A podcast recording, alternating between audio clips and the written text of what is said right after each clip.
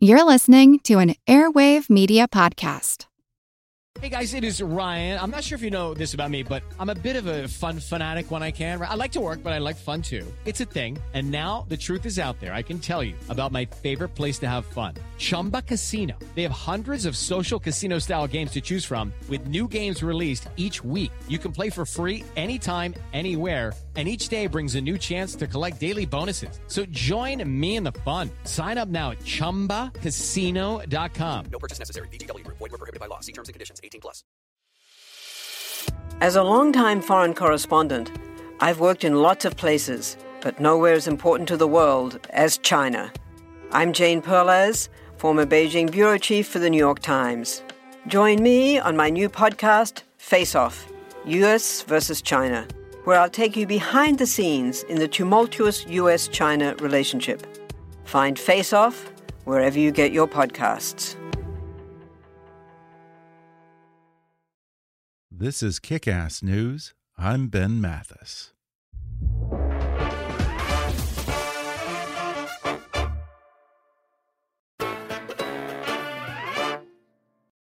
Is this the normal amount of turbulence for this route? Yes. Really? Totally. It's. Oh no! What? Oh. I thought that I forgot my headphones. Did they say that there was Wi-Fi in this plane? I don't remember. Oh, there is. Oh, you gotta pay. Why do they do that? You're better off. Oh, this? Oh, I know. Trust me, I'm the worst. I like sleep with it. It's like my third arm. It's a tool. It was originally designed by and for the military and the intelligence community. The CIA and Army ground ops specifically. It is a powerful and it's a dangerous tool. You don't have a cell phone? I use it as it was intended. And I don't dress it up and play dolly with it. Oh, well then don't be my mom. That was a clip of two time Oscar nominee Richard Jenkins in Kajillionaire, a new movie that stars Jenkins, Debra Winger, and Westworld's Evan Rachel Wood as a family of low level con artists who struggle to barely get by one half baked scam at a time. Kajillionaire comes out in theaters this Friday, September 25th, and you can also see Richard Jenkins in another film opening this weekend called The Last Shift.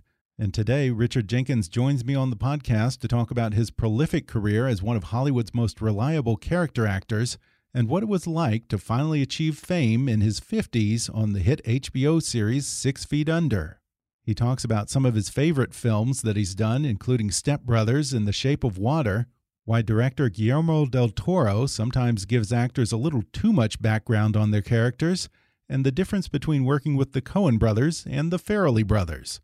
Richard discusses his new role as a working class man in Rust Belt, Michigan in The Last Shift and what the film has to say about racial injustice, income inequality, and finding common ground during these politically divisive times.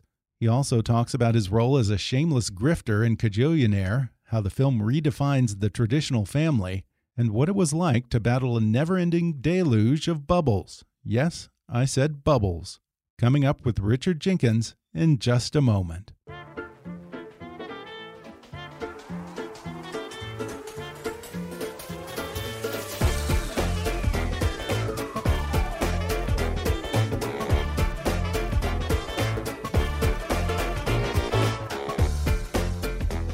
Emmy winner and two time Oscar nominee Richard Jenkins has had a prolific acting career in films like Step Brothers, Burn After Reading, There's Something About Mary, Jack Reacher, The Visitor, and of course 2018's The Shape of Water, as well as television series like Six Feet Under, Berlin Station, and Olive Kitteridge. Now he has two films opening in theaters this Friday, September 25th. He plays a husband, father, and a con man who's not very good at what he does in Kajillionaire, and in The Last Shift, he plays an aging high school dropout who comes to a difficult realization about himself after having watched life pass him by over 38 years working at a fast food restaurant in Michigan's Rust Belt. Richard Jenkins, welcome to the podcast. Thank you. Nice to be here. You spent, I guess, the first 14 years of your acting career at the Rhode Island Repertory Company. Uh, that's an unusual route into film and television. Most people graduate and head straight to New York or LA. So, how does a young man from, I think, DeKalb, Illinois, end up in Rhode Island? Um, well, because I was hired as an apprentice. Um, you know, to, for one full season. This is this was 1970 when the regional theater movement in America was just really going crazy because of the National Endowment for the Arts and National Endowment for Humanities and Ford Foundation. There was a lot of support for every major city having their own theater. So um, I we, I went out uh, right after college and uh, was an apprentice, made $65 a week at Trinity Rep in Providence. Um, and that's how it started. And then I, I, they made me a member of the company the next year, and I stayed there for 14 years as an actor. And, um, you know, it was an amazing time. And you still live in Rhode Island, is that right? 51 years, yes. Wow. Uh, what do you like about Our, that life as opposed to being in New York or LA all the time? Well, I, I like both cities. I love New York. I love LA. Like like working there. Like going there. Yeah. Um, but but Rhode Island seemed to fit our vibe. Um, our friends were here after 14 years. Um, we made a lot of friends in the theater and outside of the theater, and our kids were in school here. So we thought, let's stay. You know, we we love the state. Um, you know, has a lot to offer. It's close to New York, close to Boston. Um, nothing's really close to LA unless you live in LA. Yeah. I mean, that, so so that was uh, that was the choice, and we wondered if we if I could. I wondered if I could uh, kind of have a career from here, and um, so we decided to try. Yeah, and you've had a hell of a career, but yeah. you're sort of a late bloomer in a sense because I guess yeah. you didn't land your first film role until you were 36, worked pretty steadily for years as a character actor, but really got your first break with Six Feet Under when you were in your 50s. Got your first Oscar nomination at, I think, 60. Do you ever wonder what took so long for Hollywood to recognize you or why you didn't hit it big when you were in your 20s and 30s? No, no. I, I still haven't hit it big. You know, I mean, it's, it's I'm an actor, and it's like I just was never, I was never uh, a juvenile, which is a term for a young, handsome actor. I was never that. I figured I would work more the older I get. You know, the more my hair fell out, the more I worked. It was uh, that's how it kind of happens. I, I, I, you know, I, I, am glad it took a long time. Mm-hmm. I, I, mean, I wasn't at the time. I was worried. how, how am I going to educate my children? But at the at the same time, um, you know, I did a lot of interesting things along the way. Um, I've been working as an actor since I was 22 years old. I've well, I, I supported myself, my wife thank God, had a job, or we would have been in trouble. But I've done that's been my job. I, I, wasn't, you know, doing some other profession and trying to be an actor. I was working as an actor. So all those years yeah. in Providence and all the small roles I did in films and television, I mean, I was, you know, I was grateful. I yeah. was really grateful. Yeah, and I love hmm. those actors like yourself who really come into it later in their life because, you know, as much as we want to talk about how hard the business is, it's a real testament to how this business works and the fact that if you keep plugging away and getting better at your craft, sooner or later, almost inevitably, you're going to get noticed. Well, luck plays a huge part in it. And, and I'm not saying that to be humble. It's true. It's mm-hmm. absolutely true. And I think most actors will tell you that, that, that luck is huge because I know a lot of talented actors that haven't had the breaks that I have. But at the same time, um, if you're meant to do this, I believe there's room for everybody. Mm-hmm. And you will figure it out if you're really meant to be an actor. If not, you end up doing something else. You, I mean, uh, it's it's a weird thing. You sometimes it takes people five, ten years to say, ah, this is not really for me. This mm-hmm. is not but if you're somebody like me who had never occurred to you to do anything else, um, you know, so you keep plugging away. It's it's uh, it's not anything noble. It's just yeah. I just didn't. I just couldn't imagine doing anything else. Really? So so you never had a plan B, or, or has it? Just, it's just always been acting or bust for you, huh? No, but you're always your advisors in school always said you need something to fall back on in case you don't become an actor um, why don't you be a history minor? I said, then I would fall back on that. How would, how would that work? Um, so I, I, never understood that. But no, no. but you know, it's funny because a lot of the actors that I grew up with, that were in school with, that started out and, and decided to do something else are almost all very successful. Really? Um, yeah. Yeah. It's, it's, it's pretty amazing. Um, they've done really well in life. uh, doing other things. And you've steadily worked as a character actor for a long time. I, you know, I don't know about you, but most of my favorite actors are actually character actors. Guys like Stanley Tucci, Michael Shannon, Michael Stuhlbarg. But I wonder how you feel about the term character actor. Have you embraced it, or do you think it undersells what a supporting actor does? No, I mean that's you're an actor and you do characters. Mm -hmm. I, Mm-hmm. you know, it's what you are. It's, it's um, yeah, no. Mm -mm. I, I, I, don't mind it at all. It's yeah. what I am. It's what I always have been. Mm -hmm. I've always been a character actor. I've always done, but, you know, I've been really fortunate to do a lot of interesting things, a lot of different kinds of people, and uh, you know, um, so uh, no, I don't yeah. mind it at all. But but I have to think that it's a challenge when you're doing supporting parts or a character role because the rest of the cast and crew, you know, they may have had a few weeks to feel out each other and build some camaraderie, and then you parachute onto set with maybe a handful of pages and only a few scenes, a couple of days to really build a character. Does that make it difficult to jump in there and make your mark on a movie? Well, that's not what a character actor is. Okay.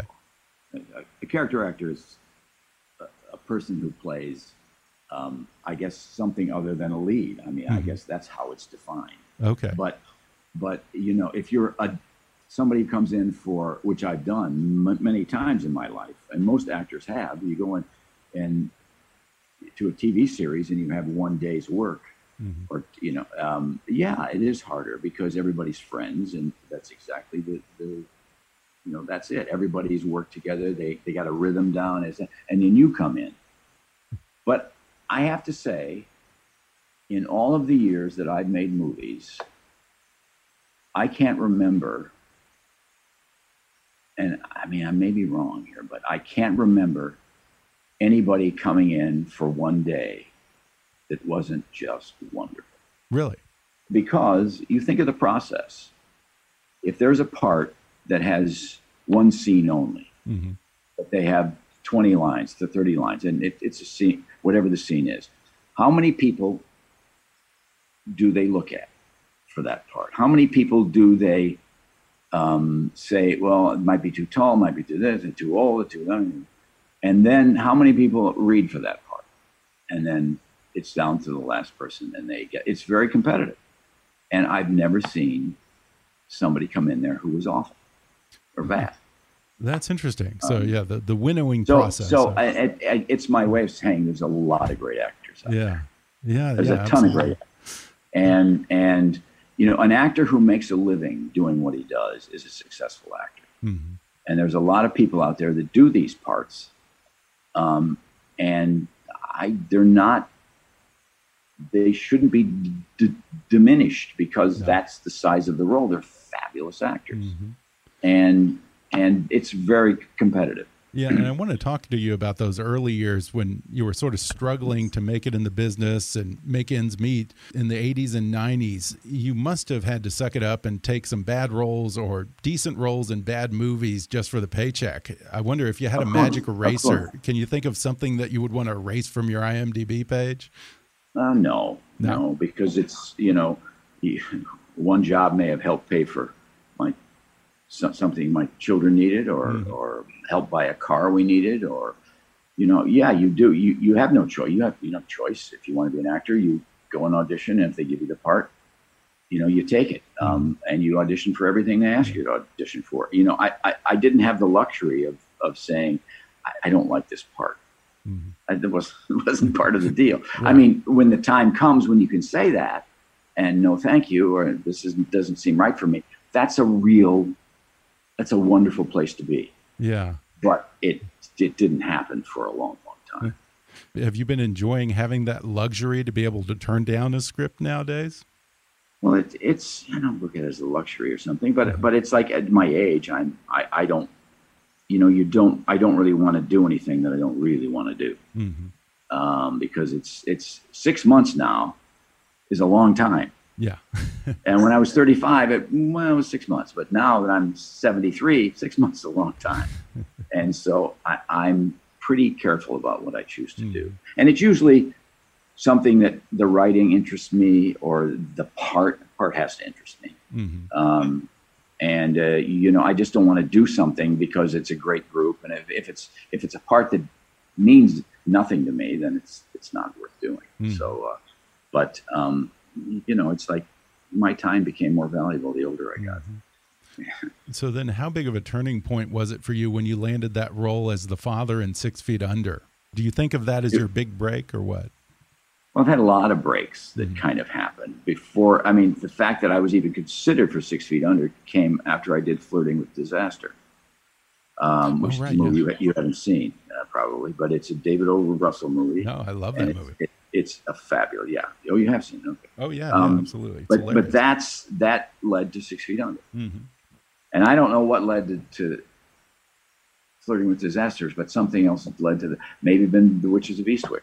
Uh, You, you know, so it's it's everything is you look back and you go, oh, you know that if I hadn't done that, then this wouldn't have happened. If I had done that, this wouldn't have happened.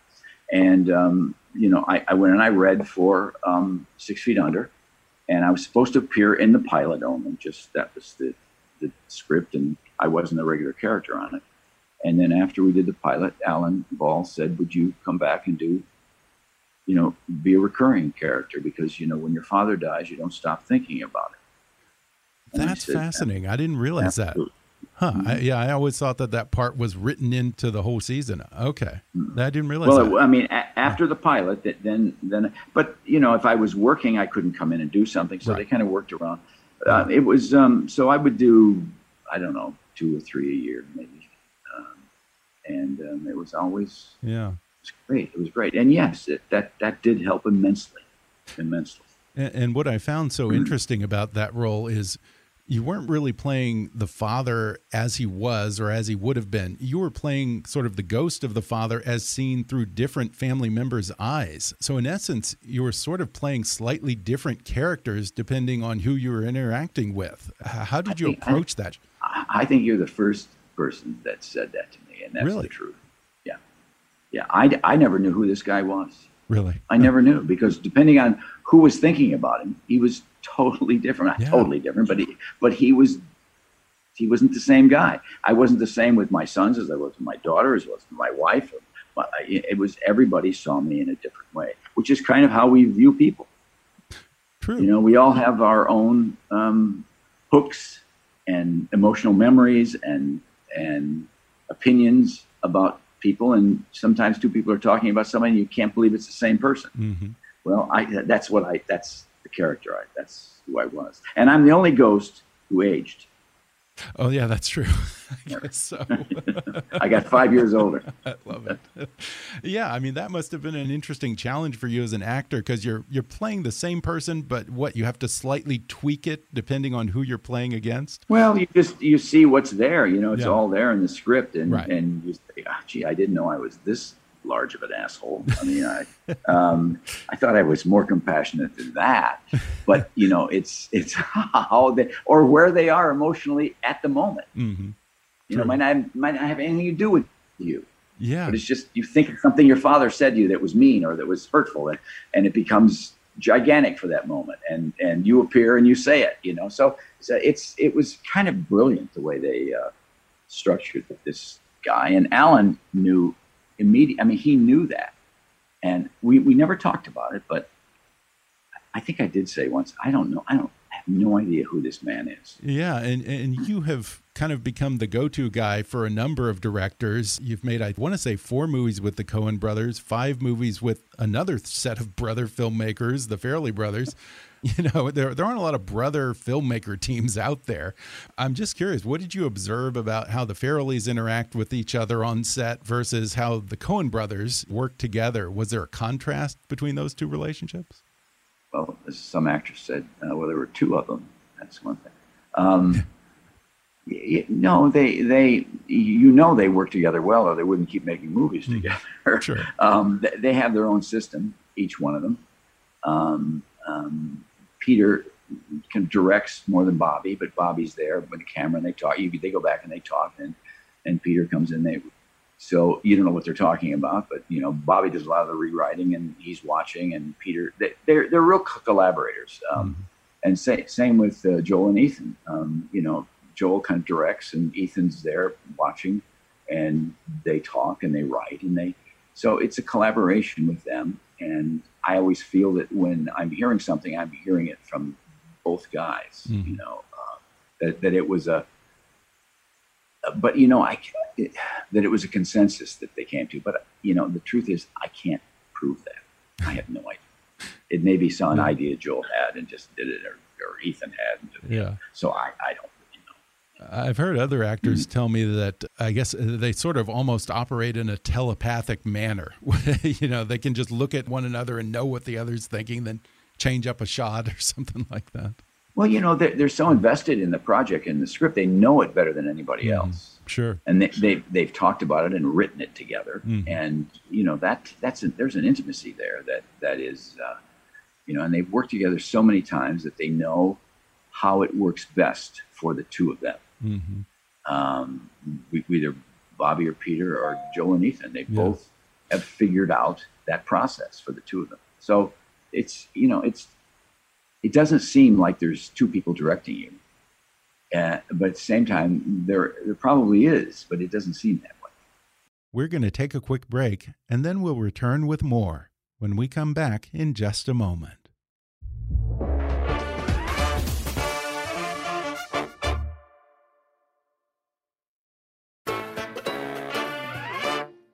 Now, of course, people know you very well from The Shape of Water, which earned you your second Oscar nomination. You got to work with the great Guillermo del Toro. I've heard about him that uh, just beyond the script, he tends to write a full Bible of background information for every character in his movies. Did he do that for your character, Giles? And what did you get out of that? yes, he did. I just, by the way, I just finished his new movie, Nightmare Alley. Oh, wow. Uh, just, just got back, shaved my beard yesterday. um, he's amazing. Gu- Guillermo's just the best. I mean, he's just, he's just a great man. He's a Yeah. great one. Yes, he does. He writes. He's so invested in this world that he creates, and uh, and he writes these wonderful eight, ten page backstories for everybody. And and he said, you can, you know, you take it, and if it helps you, fine. If not, you don't. Have to. So he gave me mine, and the next day he said, "Did you read?" it? I said, "Yes." "Are you going to use it?" I said. and he said, "Why?" I said, "Because it it it's not on the page. It's not. If you put it in the in the movie, I'll deal with it. But you know how I feel about my mom. How does that? How do I? How do? How does that fit into this world? so, but you know, it's fascinating to read. and uh, and during the Golden Globes, when I lost, he turned to me and he he said, "If you'd used the backstory, you might have won." That's great.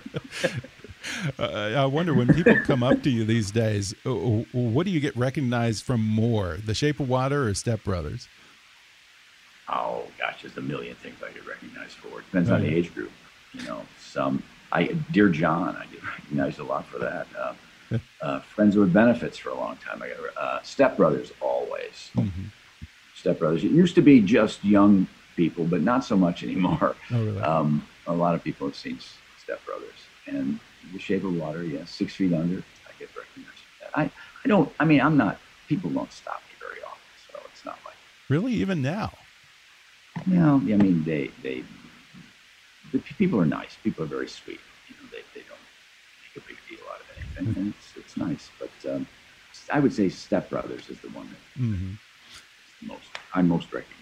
Yeah. Well, I want to talk about these two movies that you have coming out this weekend. Uh, first of all, I loved Kajillionaire. It's just so hilarious and heartwarming and weird all at the same time. It's exactly the kind of quirky independent film that I start to look for around this time of the summer after all the studio blockbusters and the comic book movies come out.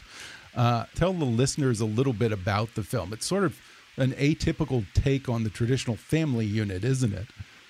Yeah, it's a story of a family of grifters who are petty uh, criminals uh, getting by. I, I don't know how they get by.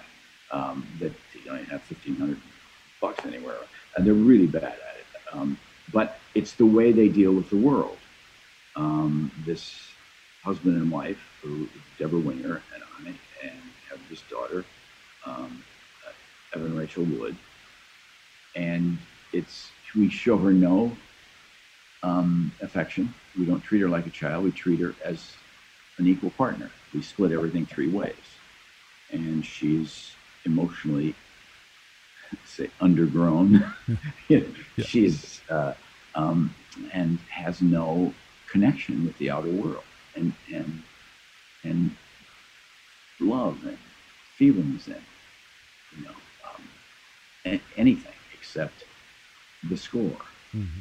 And I preach this thing of like I like to slide by in life. I don't like to get I don't like to be hooked on anything. I don't like to have a job. I don't do that stuff. I mean, it, it's um, and then she meets this woman who becomes part of our team, and um, she, I well, I shouldn't keep talking about it because it's uh, I'll give everything away. Sure. But it, there- there, there's a real emotional breakthrough for her, Mhm. and um, uh, it's it's pretty beautiful. Now, I'm used to seeing you playing fairly empathetic characters. Was it fun to play a shameless con artist, play the heel? Well, I never felt. I never. I always thought he thought he was doing the right thing by his Uh-huh. kid. I mean, I think that's the way we all look at actors look at roles. You know, I never thought he was a, an idiot. You know, I know that the last scene in the in the um, in the restaurant where she kind of pulls away from them, they're really taken aback by that. Um, and he's he actually says some things to her that he's never said before. So, so I just um, I, I never thought of him. Yeah, he was, he's he's he's useless, but uh, but I never thought of him as an evil guy. Yeah, even though this family, you know, they're con artists, they also have this weirdly rigid sense of morality that looks down on mainstream society. Uh, how would you describe their worldview and particularly your character? Um, uh, as conspiracy theorists, kind of what they are. You know, it, it, I don't. I may not even be in the movie now, but I I said once seatbelts don't work. They just don't work. It's it's a it's a it's a con by the by the car companies to, to get you in. You know, and by the insurance companies. Um, flying is the is the most dangerous way of traveling. We all know that. You know, it's just all this stuff. This guy. Not true at all. He's like, he's like a conspiracy theorist. I mean, he is the, everything that he thinks everything is 180 of, of the truth. Mhm. Yeah. Yeah, your character Robert, he has this huge level of confidence that is wildly out of step with his circumstances in life, and he speaks with just an odd degree of certitude on everything from materialism to earthquakes. And as I watched Kajillionaire, I thought to myself, I kind of know this guy, you know, from the White House on down. There are Yeah. those people who just have no clue what they're talking about, and yet they second guess nothing and they propagate conspiracy theories and disinformation, but they do so with such conviction that it can be hard to challenge them. In that sense, do you think that Robert is sort of a reflection of where we are as a society right now? I- You know, it, it, it, yes, uh, I do in many ways, you know, and, and it, some of it is so ridiculous. You think, well, nobody can do it. Well, please. I mean, look at some things people believe today. And, and, and you can imagine growing up with parents like this, where your head would be. I mean, it's just, mm-hmm. it's, it's crazy. And, and so that's why this, when she has a chance to see the world as it is, it's, it's a wonderful thing. Yeah. Yeah. Yeah, and I have to say that the other, the other thing that distinguishes this movie for me is it's funny because when I think of grifter movies, the ones that come to mind are films like The Sting, Dirty Rotten Scoundrels, where the thieves are glamorous and sexy and smart and pull off some huge score by the end. There aren't a lot of movies about bad con artists who set their sights so low that the con is barely worth it. it's like they never seem to look at the return on their investment or the risk versus the reward of their scams, do they? I think most of the folks out there that do this Yeah. are scraping by. You know, Really? I mean, I don't think it's glamorous. I think that it's a lot. You know, I, yeah. I mean, but you don't see this. You don't. I mean, the shirt I wore, I, I wanted this big shirt, and and and, and uh, Uh, we decided, yeah, that's good. I said it's something he, he, you know, his wife won or he, he stole somewhere, and it, it doesn't fit him, and his pants don't fit, and his shoes look like they came from, you know, it, whatever. It's all free. it's all free, and he thinks he's beat the system because of this stuff. But if you look at him, he's walking down the street. I mean, he looks like he should be incarcerated somewhere. I mean, it's just, it's like, who is this guy? That's what I, when I see this, that's when I see people sometimes, I, I don't know if you do this, but I look and I say, what's that, what's his story? Where does he come Yeah. from? who are his parents? You know, what, where, where did he go to school? What, what did he, where did he grow up? Did he have parents? Did he, I mean, Yeah. you know, that stuff is, and that's, I love people like that. And that's to me what Robert is. You see if I were to walk down the street. Because he doesn't, he, is he homeless or is he, is, is he, is he, um, you know, is he, is he strange? What, what is, is, is he, I don't know. Yeah, yeah, and I don't want to give anything away, but I, I do want to say I love the hot tub scene in that movie. Well, there it My. I wife mean, and I uh, laughed wha- so hard. What, what world is he living in? Yeah. He thinks this is going to work. you know? Yeah, I mean, exactly. And pl- plus, it's, it's just a, it's so creepy. I mean, it's so creepy. Yeah. And, and I love it when Debra Winger's character walks in with a plate of cheese and crackers in a seduction scene. No, I know. It's like, it's just, uh, and, and the one of the highlights of the film is the fact that the family's home is a rented office space with one very major design flaw involving masses of pink bubbles leaking from the ceilings. And they have the sisyphean task of having to clean up this mess twice a day three times on wednesday. Uh, as i describe it right now it's almost impossible to imagine unless you see the movie. Uh, how did the director pitch that scene to you were you skeptical that you could pull it off technically No, no, no. It's a fun. It's fun. It's always fun to do that. I mean, we had we had to get a system down where you know, like we've been doing it for years, and you know, we don't talk. We just go do it. And thank goodness there's a drain in the bathroom that we put the stuff down. But yeah, it's a bubble factory we're next to, and um, every day, twice a day, the bubbles come through the wall, and yeah, it was fun. Now, I'm a big Westworld fan. What was it like to work with Evan Rachel Wood? Well, Evan's great. She's fantastic. And uh, I didn't know she sang. And she's an incredible singer. And we went to see her in a club in LA. And I mean, she just blew me away. She's so good. So I started, she was doing a set on names, songs with her people's names. And I said, here's a song called Emily Tony Bennett sang years ago. And she, I don't think she knew Tony Bennett. I remember that song. And so she, it's a pretty song. It's, I, it's from a movie. I think it's from the Americanization of, of Emily. I think that's what it's from. I think. I could be wrong. yeah, I didn't know. Um, and so she just she fell in love with Tony Bennett, and uh, and I just I, I just well I sent her something. No, I, I just heard him sing.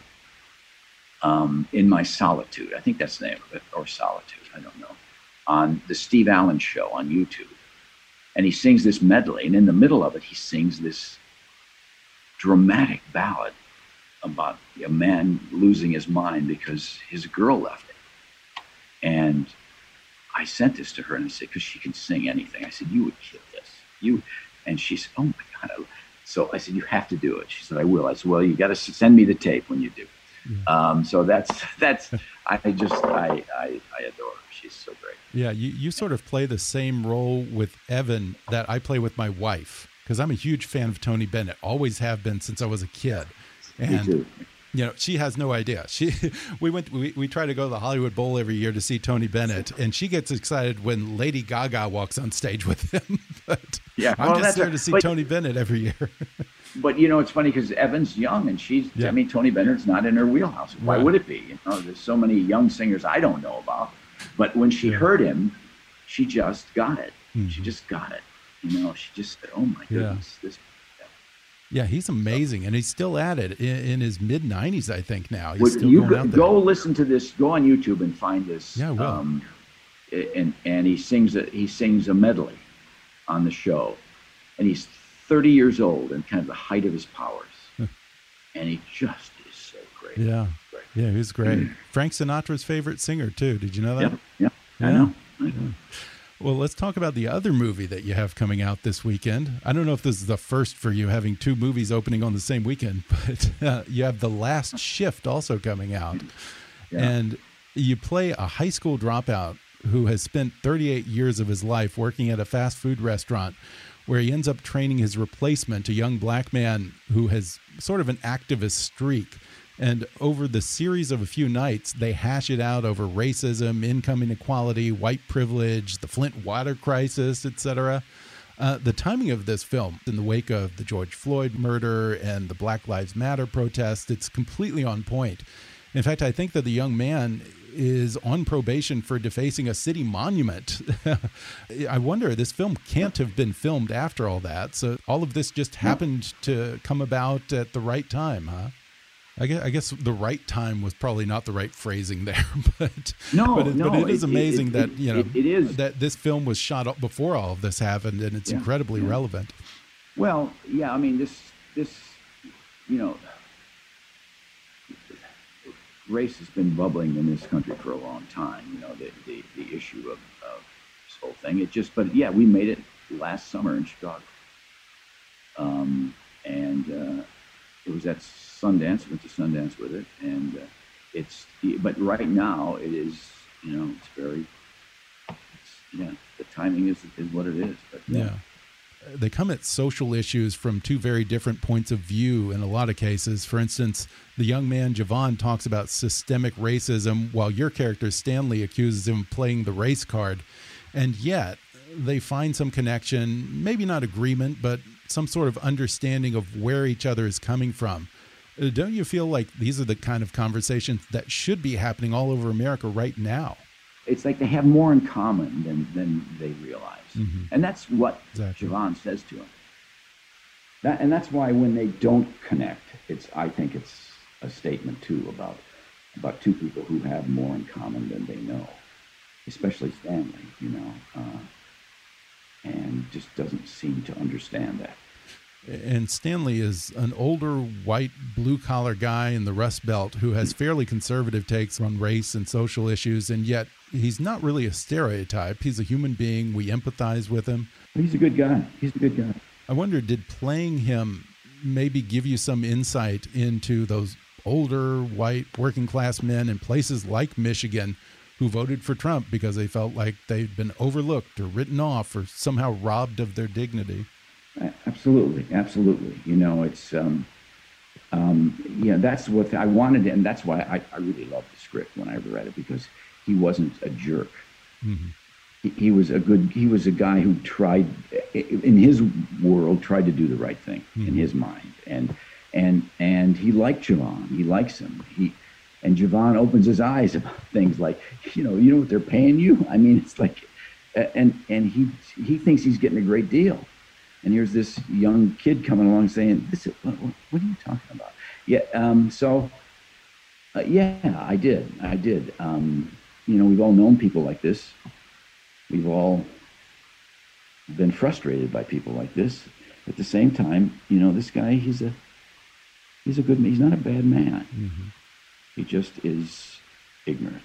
Having grown up in Illinois, do you kind of know the world in which this film takes place? I do.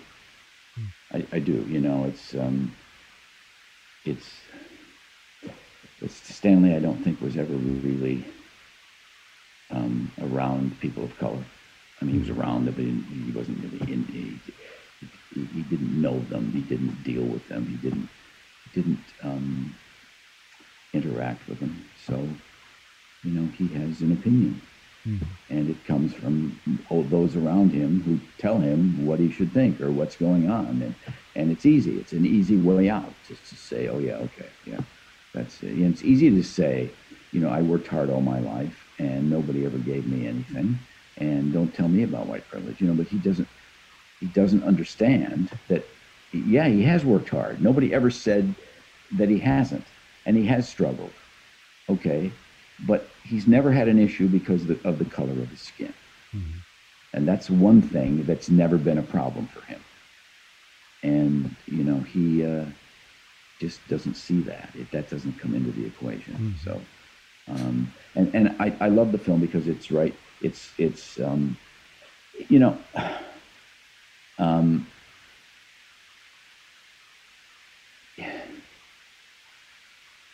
Javon, Javon is the only one in the movie who grows.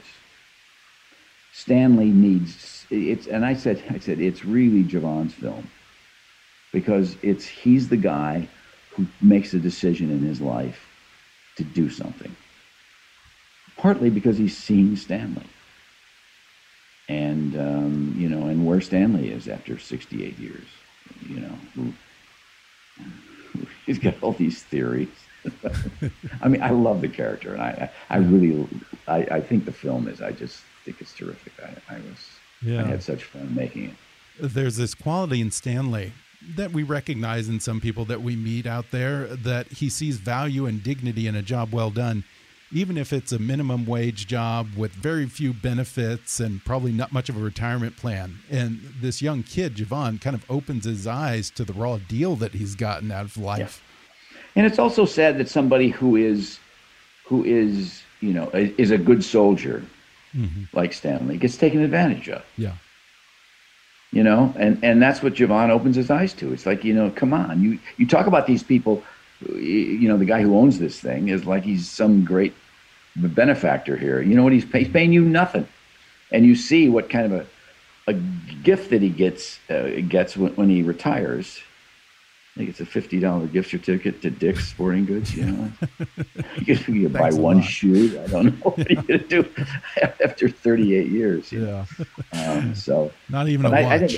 think, no, I think Andrew Cohn really he understands these people Yeah. and really wrote a, a really a terrific piece, Right. and it's fun. And, Right. and- And, I believe he has a background in, a, in the documentary world, right? yeah, yeah. Know, he's from Michigan, and um, you know he's he's um, this is the first narrative film that he's that he's written, but it's gee, it's really nice. Um, I I just love it. Yeah, yeah. Both of these films are terrific, and, and it's interesting because as different as these two movies are, it's kind of fun to watch them alongside each other because they're both sort of men who have put a lot of effort into their work, only to receive a pretty terrible return on their investment, whether honestly or dishonestly. I know, I know, I know. That's that's the that's the you know. Oh my gosh. Yeah. Stanley's apartment. You know that one foray into his uh, the little room where he has to lock three times because there are rumors there were people living in the rooming house. Um, you know, it's just what does he have in his from his life? Yeah. A high school ring that he never graduated. He has it, but he didn't graduate. but he bought it. They ordered it their junior year, and it came, and he paid for it. So Yeah. figured he'd, he'd wear it. which I love. Yeah, they're both excellent films. I highly recommend that people see them both this weekend. Uh, Kajillionaire and The Last Shift come out this Friday in theaters on September 25th, and Kajillionaire will be available on video on demand October 16th. Richard Jenkins, thanks for talking with me. Thanks for having me. Appreciate it. Thanks again to Richard Jenkins for coming on the show. Once more, Kajillionaire and The Last Shift open in theaters on September 25th, and Kajillionaire comes out on video on demand starting October 16th. If you enjoyed today's podcast, be sure to subscribe to us on Apple Podcasts and rate and review us while you're there. Five star ratings and detailed reviews are one of the best ways for new listeners to discover the show. You can also follow us on Facebook or on Twitter at, at KickassNewsPod and recommend us to your friends on your social media. For more fun stuff, visit kickassnews.com, and I welcome your comments, questions, and suggestions at comments at kickassnews.com. For now, I'm Ben Mathis, and thanks for listening to Kickass News.